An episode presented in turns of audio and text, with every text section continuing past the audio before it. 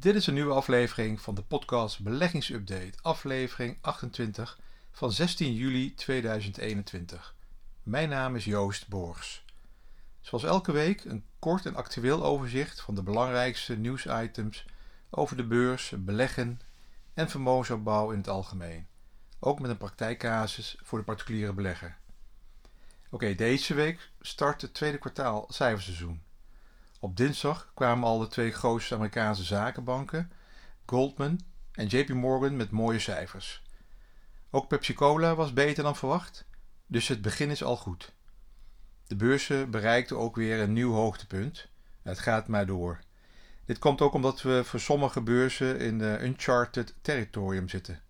Dus er is weinig weerstand te ontdekken opwaarts de AX, eh, als je alle lijnen van de technische analyse trekt en uh, technische analisten volgt, kan dit jaar zo door naar de 750 of 800. Dit is ook nog maar een 7% eh, stijging van het niveau waar we nu staan. Technologieaandelen stegen ook weer verder. Apple en ASML bereikten nieuwe records. Apple behoort tot de grootste beursgenoteerde bedrijven als je kijkt naar marktwaarde.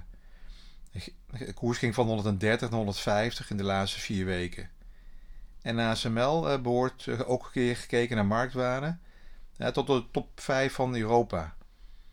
De indexen worden bepaald door een paar aandelen.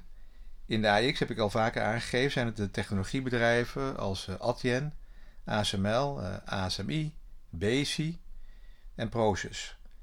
Dagelijks zie je de AX een beweging maken die parallel loopt aan die van de Nasdaq de Amerikaanse technologieindex. Heel volgzaam. Een aantal opvallende zaken in Amsterdam. Het aandeel eh, Philips blijft maar langzaam afbrokkelen. Koers stond in maart nog 51, nu 39. En dat komt alleen maar door het beademingsapparatuur voor apneu die uit de markt is gehaald. Ik denk dat de koers nog eerst uh, verder moet uitbodemen voordat het een uh, koopaanbeveling kan gaan worden. Een uh, falling knife aandeel, wat uh, steeds uh, pijn blijft doen, is Galapagos. Afgelopen jaren het lievelingetje van de AX, nu gedegradeerd naar de AMX, hè, de midcap index. Deze, de koers blijft dalen van een hoogtepunt van 245 naar onder de 50 deze week. En weer op teleurstellende testresultaten. Tweetal positieve aandelen in de AX zijn de meest saaie bedrijven, namelijk uh, Relics en Wolters Kluwer. Uitgeverijen, uh, online opleidingen en vakbeurzen. Deze twee kunnen soms maanden stil liggen en daarom door sommige beleggers als niet sexy en saai omschreven. Deze week stegen ze wel met uh, eh, 8%. Kijk naar de lange termijn de laatste 10 jaar, dan hebben beide bedrijven een goed jaarlijks rendement opgeleverd hè, dat is een koers- en dividendrendement, dan horen ze toch wel tot de, de top eh, van eh, de AX-aandelen. Eh, zijn, de aandelen, zijn aandelen in het algemeen dan niet te duur, te hoog gewaardeerd? Dat hoor je ook elke keer. Nou, dat is wat, wat er nu aankomt en daar gaan we voor kijken met de tweede kwartaalcijfers.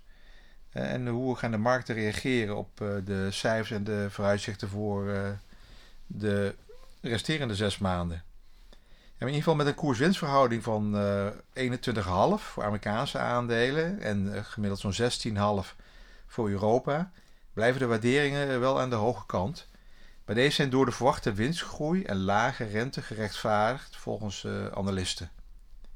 De analisten hebben ook hun winsttaxaties voor 2021 sinds begin dit jaar met meer dan 10% verhoogd. Gegeven de steun die uit die winstgroei wordt verkregen, is het net gestarte resultatenseizoen belangrijk voor de verdere trend op de beurzen. De verwachte winstgroei voor Amerikaanse bedrijven bedraagt ruim 50% vergeleken met het tweede kwartaal van vorig jaar. En dat kan overschreden worden omdat de hoge economische groei tot een hogere omzetgroei leidt en er weer een versnelling van de winstgroei.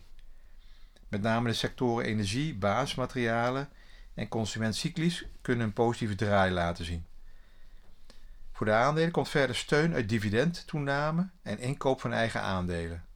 Een voorbeeld van eh, zijn dividendverhogingen van Shell en uh, bijna alle Amerikaanse banken die hun dividend fors hebben verhoogd. Nou, wat was er nog meer deze week? Ja, die inflatiecijfers, hè, daar hebben ze weer met z'n allen op zitten te wachten. Uh, en de rente volgens de centrale bank. Deze week was weer die belangrijkste man aan het woord, hè, Powell, van de Amerikaanse centrale bank, de Fed. De inflatiecijfers over de maand juni uh, waren slecht. De consumentenprijsindex steeg met 5,4 procent. Ja, dat is heel erg zorgelijk. Maar ook de producentenprijsindex steeg weer. Nu uh, was hij Powell hierover. Nou, hij ziet het ook, hè, dat dat die uh, behoorlijke stijging is. Maar maakt zich nog steeds geen zorgen. Blijft in zijn visie dat het van voorbijgaande aard zal zijn.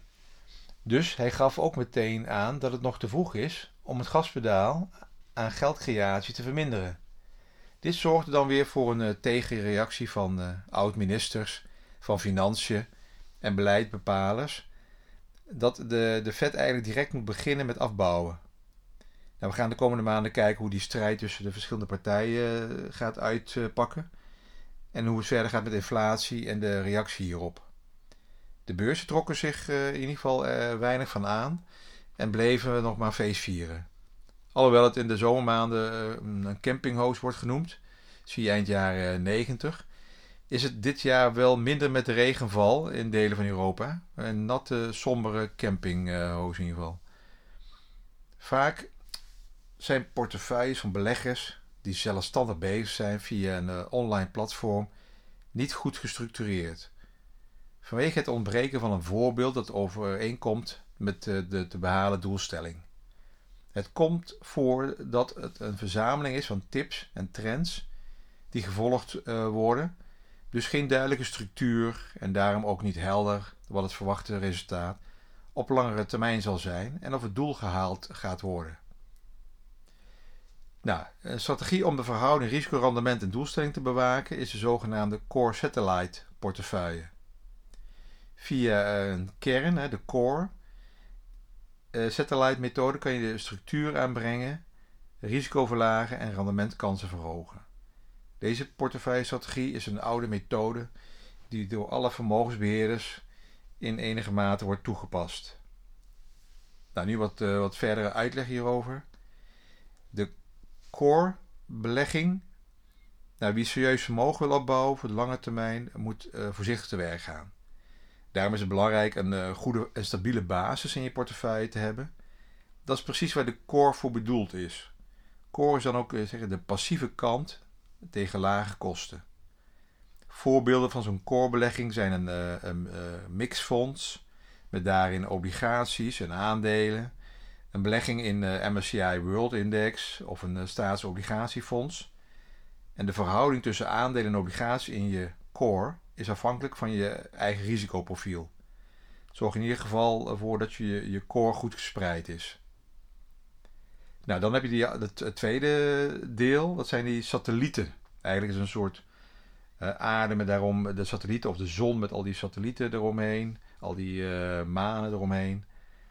Met de satellites, de satellieten, kun je wat meer risico nemen en alternatieve strategieën opnemen in je portefeuille omdat je namelijk al een stabiele basis hebt, hè, dus die core, kun je met die satellieten proberen om wat extra rendement te genereren door wat meer risico te nemen. De satellieten zijn dan ook de actieve kant en er komen vaak wat hogere kosten bij kijken. Voorbeelden van satellietbeleggingen zijn bijvoorbeeld uh, themafondsen, uh, sectorfondsen, private equity of hefboomproducten. Het doel van een uh, satelliet is vaak om wat extra rendement te halen door in wat risicovolle producten te beleggen.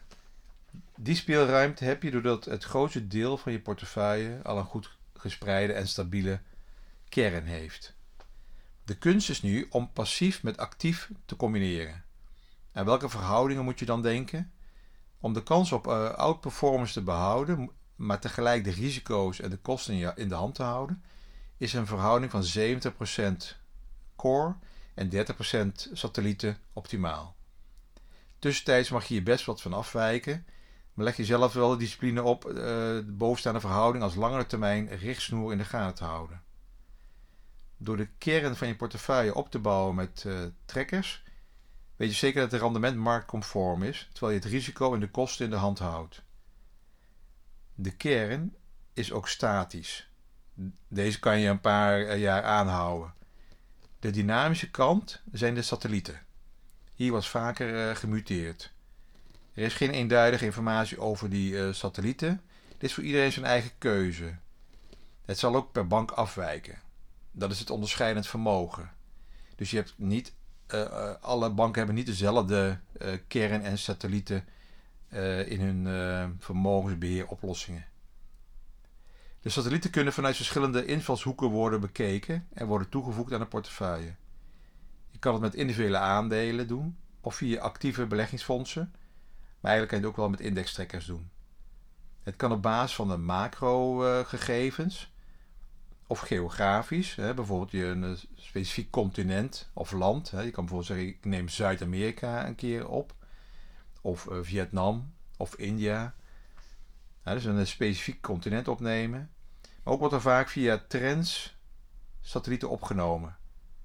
Bij uh, een Nederlandse bank zitten tegenwoordig indextrekkers uh, vanuit de robotica sector in. Dus trends op gebied van demografie, technologie, cybersecurity, disruptors, robotica of gezondheidszorg, luchtvaart, mobiliteit of wat nu heel populair is, groene energie. Alles kan zolang de kern maar stabiel is en ook de satellieten een bepaalde spreiding hebben. Dus niet alles in technologie of alles in private equity of onroerend goed. Want hierdoor raakt de hele portefeuille weer uit balans. Nou, dit was het weer voor deze week. Alles op basis van uh, openbare informatie en persoonlijke uh, titel. Dat is geen direct advies. Je kan mij ook volgen via Instagram en mailen voor opmerkingen of vragen via info.beleggingsupdate.nl. Tot de volgende week.